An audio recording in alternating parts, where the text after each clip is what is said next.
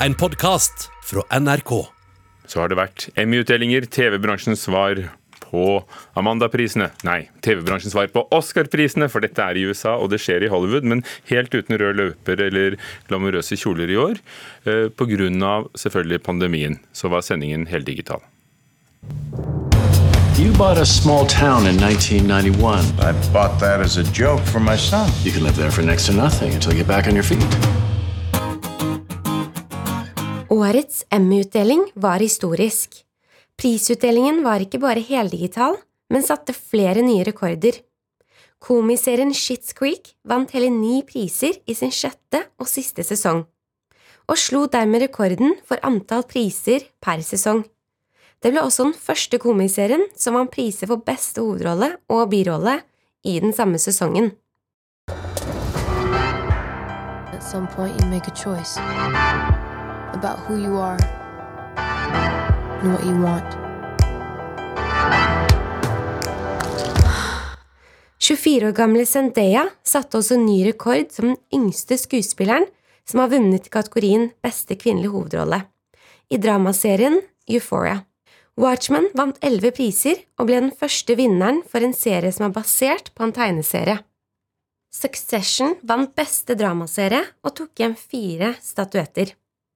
Det var også historisk mange svarte skuespillere som vant i årets Emmy-utdeling. Av de 18 skuespillerne som var nominert, var det ni svarte vinnere. Det er en økning på 11 Reporter her, det var Aida Korami. Filmkritiker her i NRK, Sigurd Vik.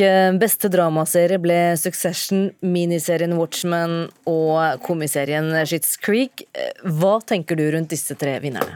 Jeg tenker jo Gratulerer til Canada for komiserien Shits Creek, som da er kanadisk, med hele sju Emmy-premier. En overraskelse og en, en, gledelig en sådan. Det er en knakkende morsom serie med da eh, Eugene Levy og Katrine O'Hara i hovedrollene. Skuespillere som har holdt på sammen siden 70-tallet, og som kanskje i Norge er mest kjent. Eh, Eugene Levy da som faren i American Pie-filmene, og Katrine O'Hara som mora i Alene hjemme-filmene.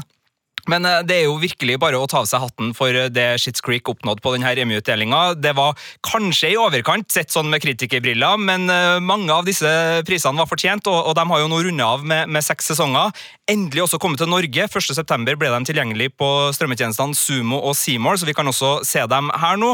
Så det var den, den store overskrifta. Og så er det jo eh, ganske rent bord også da for Succession, en nydelig serie og, og ganske sånn favoritt i dramakategorien. Eh, og da Watchmen, som fikk terningkast seks av oss i NRK, som har vært den, den store serien da, som gjorde også veldig godt i, i miniseriekategorien. Og, og ble den første serien som var basert på en tegneserie som har vunnet, så det er jo gledelig for eh, tegneseriefans der ute. Men eh, hva med overraskelser? Var det noen store overraskelser i natt? Det er jo det at uh, Shits Creek uh, for så vidt både vant. altså Der var jo f.eks. The Marvelous Mrs. Maisel, som har vunnet tidligere, vant i forrige fjor. En av favorittene. Det at de vant uh, hovedprisen for beste komiserie, var litt overraskende, men det at de skulle vinne samtlige priser i komikategorien og, og sette rekorder og gjøre rent bord der, det var jo den, den store overraskelsen. Det er veldig mye bra i den serien, og, og vanskelig å si at prisene er ufortjent på noe som helst vis, men at én serie klarer å liksom gjøre gjør så rent bord, det, det er jo overraskende i seg sjøl. Og, og, det er nok en uh, par som kan sitte litt sånn slukkøra tilbake og tenke at oi, uh, vant dem der òg, ja. Uh, men vi, er, vi skal hylle etter prisutdelinga, så, så Shits Creek skal ha all honnør for å ha klart det. Men dette var en litt spesiell utdeling. Det var ingen rød løper, det var ingen flotte kjoler å se på, det var ingen herremenn i smoking. Tror du det også satte litt preg på hvem som vant?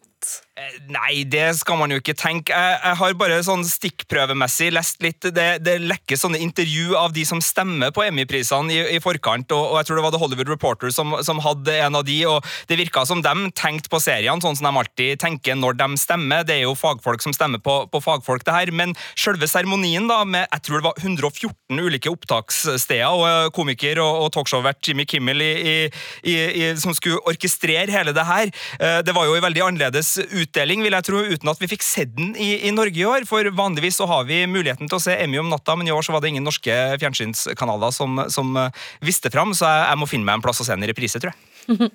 De, store, de fire store strømmegigantene som slåss om kronene våre, de hadde også sine bidrag i konkurransen. Hvem vil du si at trakk det lengste strået? Nei, Der var det nok HBO som, som kan være fornøyd. altså Både Succession og Watchmen er HBO-serier som er tilgjengelig på deres strømmeplattformer, så de er nok veldig fornøyd. Netflix kan ikke føle seg veldig fornøyd med det her. De leda vel i antall nominasjoner med hele 37, endte opp med kun to priser. Det var litt sånn spenning tilknytta Disney Pluss, som The Mandalorian, deres Star Wars-serie, som var nominert for beste dramaserie, skulle gjøre det bra.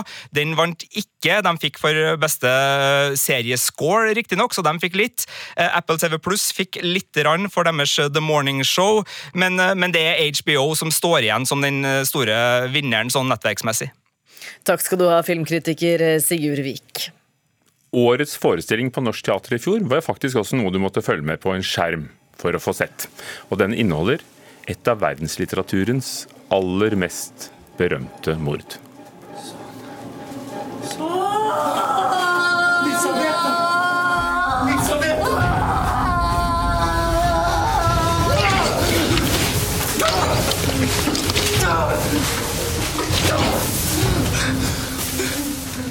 Det var pantelånersken i St. Petersburg det, som måtte bøte med livet eh, for Raskolnikov. Raskolnikov, den plagede unge mannen fra Dostojevskijs 'Forbrytelse og straff'. Det ble teater. Mange timer lang forestilling, en idé fra Den Vestnorske Teater, spilt der, i Bergen, og på Det Norske Teater i Oslo. Preben Hodneland som Raskolnikov, regissør Kjersti Horn, god morgen. God morgen. Hva er den største galskapen i dette prosjektet dere har laget? Det er bare du som er her, da, men eh, du får snakke for dere alle. Den største galskapen? At eh, vi skulle prøve å lage det her, så det var 600 siders manus, og vi lagde det på seks uker, og ingen skuespillere skulle være på scenen. Det var vel det. Og, ja. Men det spilles i samtid, på teatret, rundt omkring. Det er en, det er en, en eh, fem timer lang eh, langfilm som spilles inn live, uten klipp, da. Eh, så det er det du ser som skuespillere som løper. Og pluss at de eh, skuespillerne bærer all teknikk selv. Så de filmer hverandre, de kjører lyd, de bærer ting rundt omkring. De ja, kler av og på seg og sminker seg til Det er jo enorme mengder med karakterer, men det er jo ikke så mange skuespillere. Jeg husker ikke om det er fem eller seks. Nå kan jeg nevne at Preben Hodneland også fikk Hedda-pris som eh, beste mannlige skuespiller. Ja. Og Frode Winther Ja. som eh, beste mannlige birolle, som det ikke heter lenger. Men Ja. medspiller. Og så var det veldig mange andre Hedda-priser. Vi får ikke nevnt alle. Så Mhm. nå snakker vi om disse. Hvorfor i all verden? For det er jo et paradoks at hvis teater handler om å være sammen i et rom om en opplevelse, så overfører du det på skjermen. Du kunne sitte der, og så kunne du bare sendt en video, for alt hva jeg visste. Mm, Det ville nok ikke blitt det samme, eh, men jeg jobber mye med avstand og nærhet og sånne ting som det, og hvordan man kan komme helt, helt nærme skuespillerne. Og jeg tror at det gir en helt fantastisk opplevelse, egentlig, å vite at dette her skjer her og nå. Eh, over så lang tid. Eh, og ja, det er, det er ikke en film, det er teater. Ja.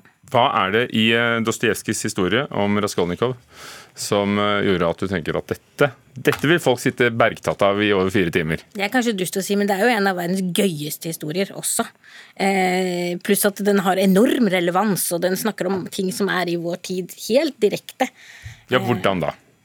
Nei, med, med vold, med, med, med fundamentalisme, med godt og ondt. eh, Disse tingene her. Den går veldig direkte inn i nesten nyhetsbildet, også i forhold til unge menn og ja, alle de her menneskene som ikke får pult. De guttene som sitter på rommet sitt foran dataskjermen og tenker at det er noe stort, tenker at de må ta over verden. Alle disse her. Det er nå vi burde sett den, men nå får vi ikke sett den. Fordi at eh, det nettopp er som det er, eh, og virus og sånn. Men eh, når vi en gang får sett den, hva er det det krever av, skuespillerne når de må gjøre det på denne måten? Det er enormt krevende multitasking-prosjekt, samtidig som Preben gjør en enorm Det å gjøre et menneskeportrett over så lang tid, det får man nesten aldri lov til, verken på film eller teater. Å gjøre det i sanntid, det er en prestasjon man nesten ikke kan forstå. Når du ser Hedda-prisene og er med på, på den galskapen der å lage teater, eh, syns du Syns du det vi lager av teater i Norge gir et riktig bilde av det du vil se på scener selv? Ja, Det er et stort spørsmål, men eh, Ikke for stort for deg, tenker jeg. Jeg tenker i hvert fall at man ikke skal være redd for å Det denne produksjonen her har et veldig veldig lite budsjett, og den er gjort på scene tre, som er pitte, pitte, pitte lite. Man får nesten ikke lov til å gjøre noen ting. Men man behøver ikke alltid å tenke at de store historiene skal være i det gigantiske formatet og behøver å koste veldig masse penger, og det må vi kanskje tenke litt på nå videre, når teatret har fått helt nye, vanskelige forutsetninger. da. Takk skal du ha. Kjersti Horn, eh, Raskolnikov, eh, årets forestilling, så nevner jeg at beste regi gikk til Luc Perceval for trilogien av Jon Fosse på Det Norske Teatret, og Laila Goody fikk eh, rollens pris som beste kvinnelige birolle, som Irina Måken, og Gjertrud Gynge for beste kvinnelige hovedrolle, som Ales i trilogien av Jon Fosse. Så er det sagt. Nå skal det fortsette å handle om en forestilling. Riksteatret triller nemlig ut eh, nok et teaterstykke på turné denne uken. Denne gangen så er det et stykke som er signert den britiske dramatikeren Duncan Macmillan. Forestillingen har fått navnet Pust på norsk, og fredag er det klart for turnépremiere i Kristiansand. Og eh, nå skal vi få høre en eh, liten smakebit fra stykket. Jeg får det ikke til når du står der. Du har tisset for meg før, du har jo Jeg vet det, men jeg har prestasjonsangst nok og Jeg kunne hente litt vann til deg, eller? Ja, gjerne. Men vil det egentlig telle hvis det bare renner rett Eller må det gjennom gradvis deg? filtreres gjennom systemet? Jeg skjønner hva du mener. Det, det står ikke noe om det i bruksanvisningen. Ut? Det er ikke en av de sakrale tingene. Karen eh, Frøsland Nystøyl, teaterkritiker her i NRK. Hva er det vi hørte her? Nei, her hører vi Aksel Bøyum og Camilla Grønli Hartvig som eh, paret dette stykket Pust handler om. De har bestemt seg for at de vil prøve å få barn. Og, eh, og det de gjør akkurat i det vi hørte, det er jo rett og slett å, å, å ta denne graviditetstesten og så tisse på denne plastpinnen. Det er ikke nødvendigvis så enkelt når man begge skal være til stede. Er det dette Pust handler om? Ja, eh, det handler om dette paret her. Eh, Hele stykket starter med at de stender i køa på Ikea, og så plutselig snur bare han seg mot henne og spør barn? Eh, og det lille spørsmålet, det lille ordet der i den køen på Ikea, det trigger alt i, i, deres, liv. Og dette stykket eh, setter ganske godt ord på den tida vi lever i, syns jeg. Altså, det her med at vi ikke klarer å bestemme oss, at det er vanskelig å ta valg. Og sånn som disse to her, da, de vil leve rett. De vil ta de rette valgene, og de spør seg sjøl er det rett å sette barn til verden. Hvor stort er klimaavtrykket av, bare av alle bleiene som dette her barnet må bruke, osv., osv. Så, så stykket er en slags sånn verbal brytekamp der de store spørsmålene, som klimaavtrykk, og hva som er rett, blandes med de små hverdagslige spørsmålene, og det er liksom aldri en pause heller i denne kampen. Hvordan ser dette ut på, på scenen, da? Det ser ikke ut som en brydering. Det er en, en svart scene med et basseng. Bitte lite lavt basseng som skråner litt. Så regner det innimellom drypp regn ifra taket. Og skuespillerne de, de plasker ikke, men de tasser rundt dette bassenget og, og går litt opp i det og legger seg ned, blir litt våte, reiser seg igjen. Um, det, akkurat dette med regnet syns ikke jeg er et så veldig godt grep, for det er så typisk at det regner når vanskelige avgjørelser skal tas. Men lyset i denne forestillinga er veldig viktig. Disse to skuespillerne går aldri av scenen, så stemningsskift får de ganske god hjelp av Oskar Udby, lysdesigneren, til. Han lager alt fra sånn gyllent, vakkert lys til kald klarhet. Og da er ikke det regnet så dumt likevel, for når lys bryter regn, så skjer det ganske fine ting i scenebildet. Uh, Ingrid Olava har komponert musikken, den syns jeg aldri kommer til sin rett. Jeg vil heller høre pianoregnet enn å se regnet på scenen, på en måte. Og så kan jeg også nevne at det er Marie Blokhus da, som har regi. Så hva er dommen, da? Er det, er det et godt stykke? Ja, det er et utmattende stykke. Eh, Det består av eh, de halve setningers gudinner, altså setninger som aldri blir ferdige, aldri blir fullført, alltid blir avbrutt. Det er ingen pustepause, verken for deg på scenen eller for oss som sitter i publikum. Og det kunne vært greit, men en del av disse replikkene eh, har et litterært preg, og jeg håper jo at det skal forsvinne etter hvert som de triller seg ut på turné, at det er litt sånn hakkete, litt uferdig, kanskje blir mer dynamisk etter hvert. Men anstrengende eller slitsomt, det er det, men det varer ikke så lenge. Takk skal du ha, Karen eh, Frøsland Nystøl. Du har hørt en podkast fra NRK. Hør flere podkaster og din NRK-kanal i appen NRK Radio.